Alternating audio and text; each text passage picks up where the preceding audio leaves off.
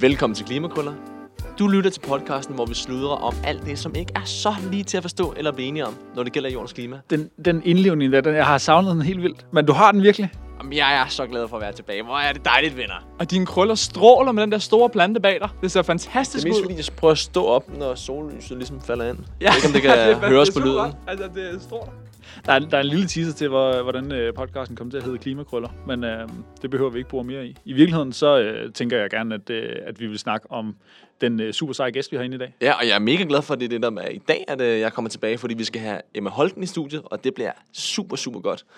Men i mellemtiden er der en, der har 20 stjålet nyheden, Jakob. Fuldstændig, for jeg har gået tilbage til Guardian i 2015, Hej, jeg holdt det op. hvor det de skrev om Noget nyhed. altså en, en samfundsinstitution, som er nem at overse, altså spillet Monopoly.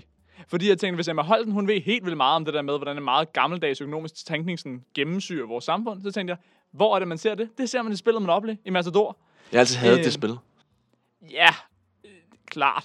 Men, men det er ikke det, nyheden handler om. Den Nej, handler- men det er da en mere aktuel nyhed i virkeligheden. det, altså, det er da i dag, at det bliver lanceret. det er rigtigt.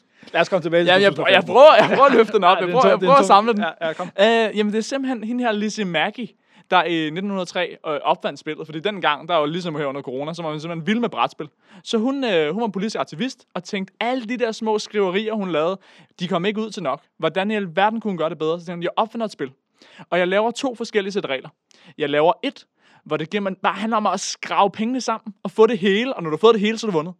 Og så lavede hun et andet sæt regler, hvor det handlede om, at hver eneste gang, at nogen fik noget værdi, så blev det spredt ud mellem alle. Og det øjeblik, at den fattigste deltager havde fået fordoblet sin indkomst, jamen så sluttede spillet, og så havde alle vundet. Jamen, hvorfor er det, at det ikke er nummer to, der er blevet populært? Overvej en verden, vi kunne have haft i dag. Øh, fuldstændig. Der skal en mand ind for at forklare øh, den del. Og det er fordi, der nemlig er ham her, Charles Darrow, som kommer til at spille det her spil hjemme hos nogle venner, og siger, at det er simpelthen så sjovt. Men han synes, designet, det skal ikke være et rundt bræt. Det skal være et firkantet bræt. Ej. Og det skal hedde Monopoly i stedet for The Landlord's Game. Så han distribuerer det under eget navn, og det bliver en kæmpe succes, fordi altså mænd, der laver ting, det er bare godt. Så det betyder, at det, det her spil det bliver en kæmpe succes. Han bliver interviewet af journalister, og spørger, hvordan i verden fandt du på spillet? Og han siger, det var simpelthen Guds gave til mig. Og, That's og, lad os, America. God is kind. og lad os for guds skyld håbe, øh, at, øh, at Gud ikke var, var ham oppe i himlen, men, øh, men nemlig, øh, nu kan jeg ikke huske navnet, men Lizzie. pat- Lizzie. patenthaveren er lige præcis. Og så synes jeg i virkeligheden, vi skal springe fra en, øh, en 100 år gammel nyhed til, øh, hvordan øh, det står til i dag. Og vi har introduceret hende, men øh, Emma Holten ved, øh, ved alt om emnet, så øh, skal vi ikke invitere hende ind? Lad os.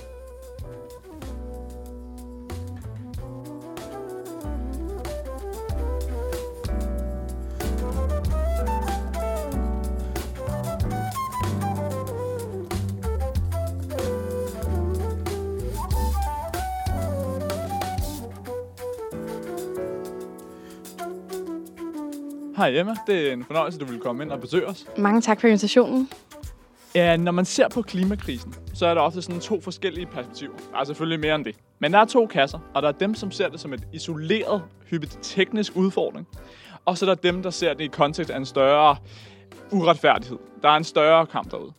Og jeg tænker, det er et spild af et spørgsmål at spørge dig, hvor du ligger på det spektrum. Jeg er ikke en, jeg er ikke en hockeystav-pige. Nej, Ej, det, det det, kan vi godt forestille os. Du er mere til håndbold. Ja, Eller fodbold, eller et eller ja andet. jeg, jeg tager den systemiske. Ja. Ja. Øhm, men jeg tænker, hvad er det så, du ser er koblingen mellem en transformation af det økonomiske system, ligestillingskampen og klimakampen? Jamen, altså, det, altså, hvor lang tid har du? Men det er jo et meget stort spørgsmål. Men hvis vi skal fokusere på det, som jeg beskæftiger mig med lige nu, som er feministisk økonomi, kalder man det, der beskæftiger vi os meget med, hvordan man måler og hvordan man opgør økonomisk værdi. Og der er selvfølgelig alle mulige andre systemiske ting, som klima berører, men nu, hvis jeg skal fokusere på det, som jeg ligesom ved noget om, så har feministisk økonomi sit udgangspunkt i det, vi kalder omsorgsarbejde. Og det er fordi, at feministiske økonomer ligesom sådan havde som sit udgangspunkt antagelse var at se, okay, alt det arbejde, der foregår i hjemmet, som fortrinsvis bliver lavet af kvinder, det vil sige tage vare på børn, gøre rent, købe ind, altså at vedligeholde mennesker, kalder vi det. Det bliver ikke opgjort som økonomisk værdi. Men jeg tror, at enhver person kan jo godt se, at det er enormt vigtigt for, at økonomien fungerer, at der er øh, fungerende arbejdskraft, og at der er frisk arbejdskraft, som er blevet opdraget ordentligt, der er blevet taget tid til mennesker, de har lært at tale, de har lært at gå, og alle de her ting. Og ret hurtigt efter det, så kom der en meget stærk alliance mellem feministisk økonomi og det, der kaldes økofeminisme som er feminister, der arbejder med forbindelsen mellem undertrykkelse af kvinder og undertrykkelsen af naturen. Og også ofte undertrykkelse af mennesker i det globale syd, og hvordan det ligesom historisk har hængt sammen. Og det, de ligesom siger, det er, jamen det er faktisk det, vi ser på med omsorgen, omsorgen i, i hjemmet, hænger faktisk enormt meget, hvad skal man sige, epistemologisk sammen med den måde, vi ser på naturen. Fordi at naturen vedligeholder jo også sig selv, men naturen, når vi lader den være, bliver ikke set som værdiskabende. Altså, der er en grund til, at der er penge i at bygge på Amagerfældet, og der er ingen penge i at lade Amagerfældet være. Men, siger mange økofeminister, det er jo enormt vigtigt, at naturen får lov til at vedligeholde sig selv, for at vi får ilt, for at der bliver absorberet CO2 af, af planter og træer og alt sådan noget. Men den værdi bliver ikke synliggjort i vores økonomiske system, som det er lige nu. For at naturen skal blive gjort til værdi, så skal der ofte extractes, altså ud, så tingene skal tages ud af det her kredsløb og laves til et produkt. For eksempel et træ, der bare står har ingen værdi, men et træ, der bliver lavet til en bænk, er et pludselig et produkt, der kan købes og sælges. Derfor så har der altid været sådan meget stærk familiaritet mellem økofeminisme og feministisk økonomi. Og jeg tror i det hele taget ser jeg, at et enormt stort problem ved at løse meget af klimakrisen, det er, at vi har enormt svært ved at opgøre værdien af, af overladt natur. Af præcis, hvad det er, det skaber. Øhm, fordi den måde, vi opgør værdi, er så enormt optaget af, hvad for en pris har noget på et marked på et givet tidspunkt. Ja, for jeg tænker, jeres løsning er vel ikke, at I vil være mere sådan payment for ecosystem services, hvor man Nej. netop sætter pris på det hele. Vi havde uh, Christian Lauter, professor i Jura, inde, Ja. som talte om, om, om værdien af en isbjørn. Hvor han fortalte om, at i Norge, der er det ulovligt at skyde isbjørnene, men bøden for at gøre det er mindre end den licens, du køber i Canada. Så derfor er det faktisk billigere og bedre at dræbe isbjørnene i Norge på Svalbard. Ja, ja. Øhm, Så det er vel ikke sådan, I rent faktisk vil have, at man begynder at sætte værdi og penge på hver enkelt naturprodukt som sådan. Altså ting, der ikke er produkter, men ting, der bare lever. Nej, det er meget komplekst, fordi selvfølgelig kan det have øh, den effekt at prøve at synliggøre problemet. Altså for eksempel så er der jo feminister, som har beskæftiget sig med at sige, okay, hvis vi, hvis vi gav alle mennesker løn for det arbejde, de laver i hjemmet. Hvis vi gav dem en mindste løn, hvad ville det så være? Hvor, hvor stor en andel af BNP ville det være? Det har man gjort for eksempel i Finland, hvor de kom frem til 75 milliarder euro. Ej, det har vi slet ikke råd til. Det er meget bedre, at de bare det, går præcis, det det er meget bedre, de gør det gratis. Ikke? Øhm, og det, det er jo ikke fordi, tror jeg, at de feminister nødvendigvis foreslår, at vi skal give folk de her penge. Det er det bare for at sige, altså forstår I, at det her foregår? Og, og det her ligesom sådan understøtter en masse andet. Og vi plejer at sige i feminismen, at omsorgsarbejde er det arbejde, der gør alt andet arbejde muligt. Og på samme måde kan man sige, at naturen er den værdi, der gør alt andet værdi muligt. Altså det er ligesom den ultimative ressource. Ikke? Og der tror jeg selvfølgelig, kan det nogle gange godt, som et tankeeksperiment, give mening at sige, okay, et træ, hvis vi sådan ser, hvor meget værdi, der kan komme ud af et træ, hvis vi lader det være i lang tid, hvor mange mennesker, der når indånden, oxygen, der er kommet fra det, altså, alt, altså de osmotiske processer, alt sådan noget, hvis vi prøver, så kan det godt skabe en værdi og, og sige det som et argument. Men jeg tror, og det er, ligesom, det er jo ligesom en ideologisk holdning, jeg har, jeg tror aldrig, at markedet vil kunne indfange omfanget af den værdiskabelse. Og der har jeg det på samme måde med for eksempel øh, det omsorgsarbejde, vi i Danmark laver i den offentlige sektor. Altså hvis du ser på for eksempel, jeg er kronisk syg, jeg har været indlagt, jeg er i kontakt med sundhedssystemet hele tiden. En sygeplejerske i løbet af en dag er i kontakt med så mange forskellige mennesker og laver så mange små opgaver af dybt forskellige art. Noget socialt arbejde, der handler om, om omsorg for folk til at få det godt, men også noget meget komplekst teknologisk arbejde. Altså at opgøre værdien af det. Altså det, det er så ufattelig mængde af værdi. Ikke? Og det tror jeg aldrig nogensinde markedet vil kunne indkapsulere. Så jeg er ret skeptisk over for ideen om, at markedet kan løse det her. For jeg synes, det er et ideologisk spørgsmål. Og, og når jeg bliver sådan konfronteret med sådan den her, jamen vi kan godt se, det er et kæmpe problem der med omsorgsarbejdet. Vi, vi, vi sælger det bare på et marked. Så synes jeg, man laver en antagelse, som er, at markedet øh, er i stand til at objektivt værdisætte. Og at det, vi vil betale for noget, er det, vi synes, det er værd. Og, og der, det, det mener jeg ikke desværre fungerer så simpelt. Jeg synes, markedet er vildt godt til mange ting. Til at sælge bananer og ballonger og sådan noget. Øh, der kan man ligesom godt måske sige, okay, der, der fungerer et eller andet. Men selv med en banan kan man jo sige, okay, hvorfor er en banan så billig i Danmark, når den er blevet fragtet et kæmpe stykke vej, at bliver den værdi ligesom sådan indregnet i, i dens omkostninger og alt sådan noget. Så jeg synes, at når det kommer til værdien af vedligehold, så det splitsekund, som markedet er, hvor det kun er sådan, hvad vil vi give for det her i det her øjeblik, der, der mangler der et helt billede af, hvad der skal til for at skabe noget. Øhm, og der, der tror jeg ikke, at, at, værdis, at vi kan bare lave markeder for alting. Det tror jeg vil øh, devaluere enormt mange meget vigtige ting. Så det kræver ligesom, og så spørgsmålet så, hvad, hvad kunne være alternative måder at gøre tingene på.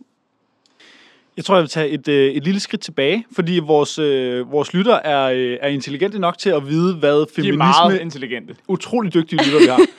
øh, ved, ved meget om, øh, om feminisme, mere end, øh, mere end man har, har gjort det seneste stykke tid, har i hvert fald mere nuanceret perspektiv på det. Men jeg tror ikke, øh, mig selv inkluderet, har hørt øh, udtrykket specielt øh, brugt i sammenhæng med, med økonomi. Vil du ikke prøve at fortælle, hvad er feministisk økonomi? Jo, altså feministisk økonomi, og det kan jeg godt forstå, og det er også, det er også meningen, at ordet skal, skal have den her sådan skuren, øhm, tænker jeg. Men jeg tror, at noget af det, som, som feminister og jo altid beskæftiger sig med, det er at se på, hvordan den historiske undertrykkelse af nogle grupper i samfundet, i særdeleshed kvinder, men også andre grupper, hvordan det har påvirket vores sådan, vidensgenerering. Og der kan vi jo tage fat i, hvordan vi arbejder, vi kan tage fat i, hvordan vi organiserer familien, hvordan vi har sex. Altså der er alle mulige ting, som man kan ligesom begå en feministisk kritik af, men det er ligesom altid grundet i, hvordan, hvordan er, er den historiske og den måske samtidige uretfærdigheder reproduceres i forskellige øh, institutioner og systemer. Og en af de ting, der er ved økonomi, det er jo, at vi har en tendens til at se på økonomi, og det tror jeg i særdeleshed er os, som ikke er uddannede økonomer, men som bare øh, læser avisen og sådan noget, at vi får fremstillet økonomi som ligesom fysik eller kemi. Altså, at du kan generere objektiv viden ved at indsamle informationer. At for eksempel den måde, mennesker opfører sig på, når du laver øh, økonomiske incitamenter, for eksempel. At det er ligesom, at du kan splitte et atom, og så opføre det sig på en særlig måde. Men ligesom en hver, der kender, hvad fanden ved jeg, Schrödingers kat, eller at så snart du, at der, der kan være kvantespring over bølger og sådan noget, så ved man, at så snart der er en observatør, så sker der også noget. Ikke? Og sådan er det jo selvfølgelig også i, i tilfældet økonomi. Og noget af det, som jeg tænker, at mange feminister, da det her blev grundlagt, som er tilbage i 60'erne og 70'erne, begyndte man at snakke sådan alvorligt om de her ting på en mere systematisk måde, det var, at der var man altid i feminismen til, at hvis vi, hvis vi får fremlagt noget som enormt objektivt, og der er en masse viden, som, som vi ikke får adgang til, sådan en sort boks, så kan der måske være en tendens til magtudøvelse, hvis, hvis almindelige mennesker ikke får lov til at forstå, hvordan ting fungerer. Og der har økonomi, synes jeg, en tendens til at være enormt øh, esoterisk, altså lukke sig om sig selv, øh, ikke give folk adgang til øh, beregninger, øh, ikke, øh, men simpelthen bare, vi ser jo alle sammen bare overskrifter om økonomi i avisen, som at det er sikkert. For eksempel, så en af årsagerne til, at jeg begyndte at arbejde med det her mere offentligt, for jeg har interesseret mig for det i mange år, men at jeg begyndte at holde de her foredrag, jeg holder nu og sådan noget, det var, at der var en overskrift i øh, mandag morgen, hvor der stod, kvinder er en underskudsforretning for staten. Og jeg var bare sådan, det skal fandme være løgn. Altså, fordi jeg ligesom så omkring mig alle mine veninder øh, lave, hvad jeg opfattede som to jobs. Særligt dem, der havde børn. Ikke? Og så viste det sig jo også, at den måde, det var udregnet på, det var jo bare kun ved at kigge på skat. Ikke? Hvor meget skat øh, putter du ind i den offentlige kasse, og hvor meget tager du ud.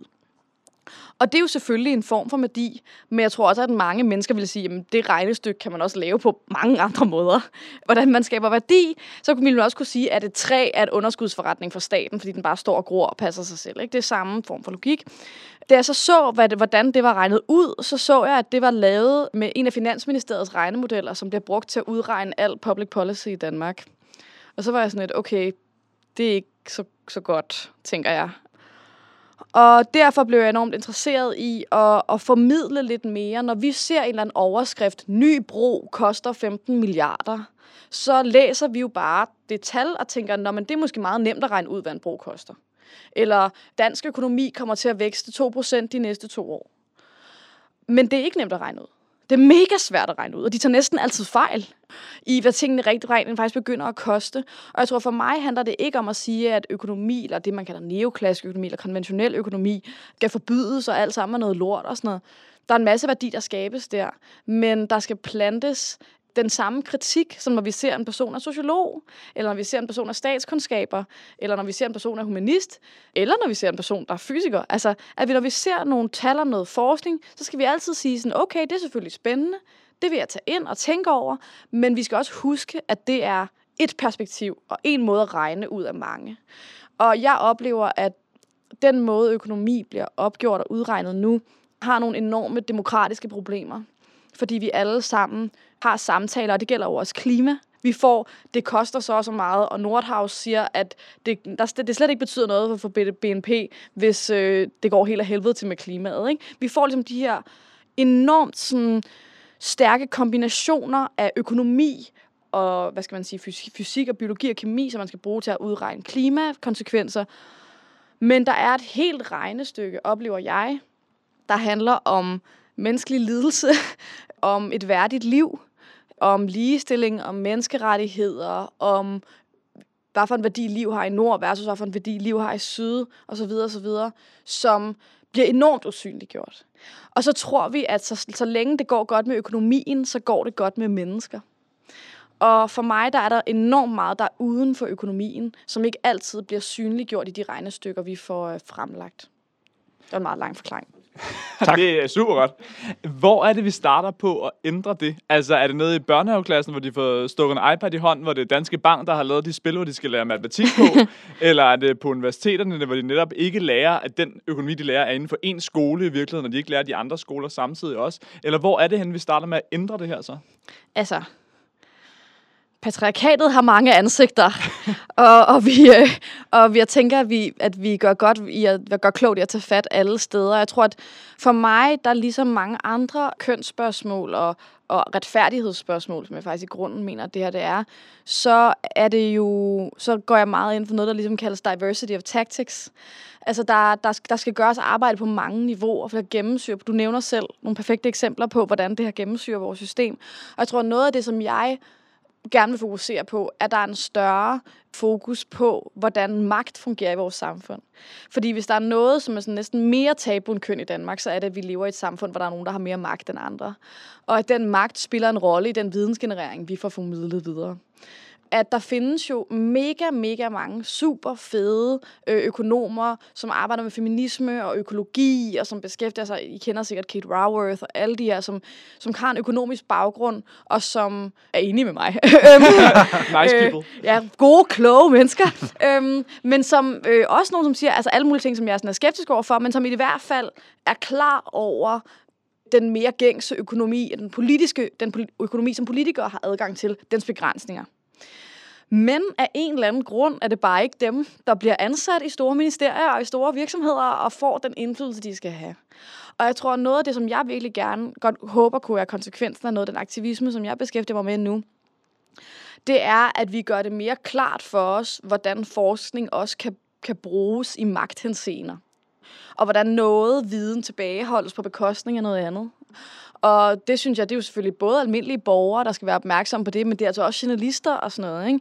Altså vi får, jo, vi får jo viden fra tænketanke på samme måde, som vi får viden fra universiteter i Danmark. Altså man, du kan ikke se det på en overskrift eller en artikel, om noget kommer fra en tænketank eller et universitet. Det er altså et kæmpe problem. Ikke?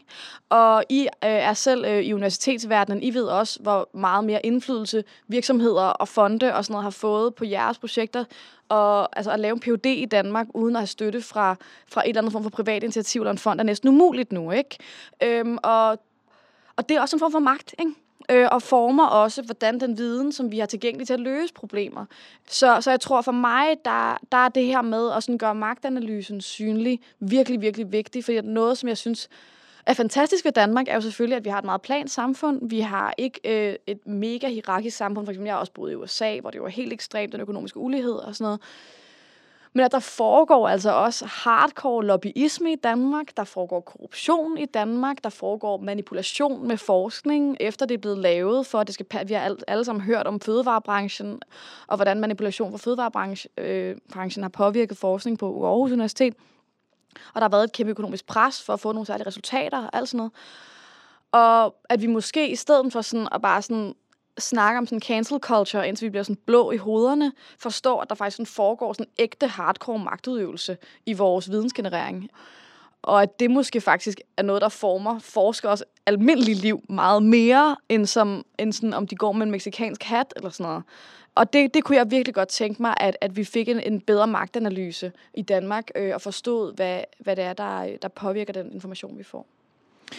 Nu har vi øh, meget færre gange, end vi plejer, sagt CO2 eller metan uh-huh. eller, eller klima, ja. end vi plejer at gøre i, i den podcast her. Øhm, men er det rigtigt forstået, at, at øh, det vi snakker om, det er, et, det er et nyt værdibegreb, som ligesom har muligheden for at, øh, at skabe en, en fremtid, hvor øh, et, et problem så abstrakt som klimakrisen er nemmere løst? Er det, er det rigtigt forstået? Ja, det synes jeg. Altså, og, og jeg, altså, jeg er jo ikke ekspert i klima. Det er ikke mit ekspertområde. Det er ligesom en afledt funktion af det, som jeg er ekspert i. Jeg bare lige give som sådan en lille arbejder Men sådan, jeg mener ofte, at der bliver opstillet en ekstremt stærk modsætning mellem klimahandling og sådan det gode liv. Og det gode liv, oplever jeg, er enormt framet af det, vi kalder ø- økonomisk vækst. Altså når vi siger øget livskvalitet, så hænger det sammen med økonomisk vækst. Og det er selvfølgelig rigtigt nogle steder. Der er nogle øh, lande, som lige nu er ekstremt fattige, som skal have noget, der ligner økonomisk vækst. Men jeg tror, alle, der beskæftiger sig med klima, kan godt forstå, at hvis alle i Mali levede som alle i Danmark, så var vi sådan alle sammen kreperet for længst. Ikke? Og derfor synes jeg også, at vi som mennesker i det globale nord har en forpligtelse til at se på, hvordan vi kan leve et liv, som, øh, hvad skal man sige, opfylder Kants kategoriske imperativ. Altså, at hvis alle levede som os, så ville det fungere, ikke? Og der har vi ligesom en værdiforståelse, som er enormt hægtet op på, hvad der økonomisk er godt. Det vil sige øget forbrug. Altså øget extraction fra det, der vedligeholdes, der kan blive til produkter. Så det vil sige, at det er jo faktisk dårligt for økonomien, hvis vi alle sammen går i mere genbrugstøj, for eksempel. Ikke? Altså, og man oplever sådan nogle altså, og det er dårligt for økonomien, hvis, og jeg har for eksempel mange venner nu, og det tror jeg også, I har, I også i min generation nok lidt yngre end mig, men sådan, som måske ser ind på, på deres forældres arbejdsliv og tænker sådan, jeg kunne rigtig godt tænke mig at arbejde mindre, end mine forældre gjorde. Og det er jo også noget, der sker med øget ligestilling, at i særdeleshed mange mænd øh, begynder at se værdien af at være mere sammen med deres børn og alt sådan noget. Øh, og det er jo en fantastisk, fantastisk kulturel udvikling. Men det lægger også et pres på deres arbejdskraft. Altså, at de vil arbejde mindre. Og jeg synes, at det ville være sådan en fantastisk ting, hvis vi for eksempel havde mere fri. Og jeg tror også, at mange ville, i vores generation ville være klar til at gå på kompromis med materielle goder for mere fri. Og der sidder der jo en økonom og sådan, øh, får sådan kvælningsfornemmelser ved tanken om, at vi skal forbruge mindre og have mere tid uden for det økonomiske system. Altså mere af det, der kaldes ikke-produktiv aktivitet.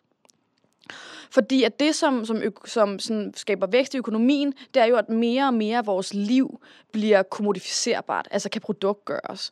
Og det er jo for eksempel at det, som det, der driver enormt meget økonomi lige nu, det er jo produktgørelsen af vores bevidsthed og venskaber og sådan noget på sociale medier, at pludselig så det, som plejede at være uden for øh, økonomien, som var, hey, skal vi gå ud og drikke en øl? Det er pludselig inden for økonomien, fordi nogen kan give os en reklame, mens vi siger, hey, skal vi ud og drikke en øl? Ikke? Så det har ligesom det har været det, der har drevet økonomien i mange år efterhånden. Det har ligesom været den her øget produktgørelse. Og nu er der pludselig ikke rigtig mere af vores personlighed, der kan økonomiseres, så nu skal vi til Mars. Ikke? Nu er der en ny ting. Altså, der skal altid være mere og mere og mere og mere. Og det er det, jeg mener, når jeg siger, at økonomien er dårlig til at vedligeholde. Altså, den er dårlig til bare at lade ting være, for den vil altid have mere der, af vores liv, der bliver til et produkt. Op, af, af min oplevelse, ikke? Og, og rigtig mange menneskers analyse. Og derfor så selvfølgelig vil, vil altså klima, altså sådan, jeg tror bare sådan, at selvfølgelig så skal der foregå enorme teknologiske fremskridt, for at vi kan løse klimakrisen. Men det er ved Gud nemmere, hvis der er mindre energi, der skal gøres grøn, end hvis der er lidt så meget, som vi bruger nu. Så jeg tror bare sådan, at den der sådan, totale modsætning mellem, at, at sådan, nej, jeg tror ikke bare, at vi kan løse klimakrisen ved at arbejde mindre. Selvfølgelig skal der sådan foregå nogle fantastiske landvindinger. Men der skal også af den grund, tror jeg, og det der vi måske ind i sådan det mere politiske, skabes øh, stærke økonomiske incitamenter for at lave den her forskning. Og der føler jeg, at der måske er mange politikere, som er meget bange for at lave indgreb i markedet. Men det, som jeg oplever, er, og som jeg synes, man kan se historisk, øh, for eksempel er der en amerikansk højreorienteret tænketank faktisk, som har fundet ud af, at da man øh, lavede krav i USA til, hvor langt en bil skulle kunne køre på literen, altså man regulerede industri, bilindustrien, og de, bilindustrien lobbyede helt ekstremt mod, at det her skulle ske. Men det endte faktisk med at motivere mega meget innovation, da den her lov kom, og gjorde, at de løste de her problemer, og bilerne blev meget bedre og sådan noget, ikke? Og jeg tror, vi er alt for bange for at lave den form for regulering. Så jeg tror også, at sådan, det handler også om, hvordan vi ser på, hvad der skal drive den her forandring. Der tror jeg, at politikere har, føler, at de har mindre magt, end de rent faktisk har. Fordi hvis man ser på ting, vi har opnået, i, altså for eksempel i det her land, ikke? og have fri om lørdagen. Det gjorde man på et tidspunkt, da Danmark var meget fattigere, end det er nu. Og for vores generation at forestille os, at vi kunne få fri om fredagen, det virker helt utænkeligt, at det kunne blive muligt. Det er der ikke råd til. Eller sådan, okay, men de gjorde det altså i 20'erne.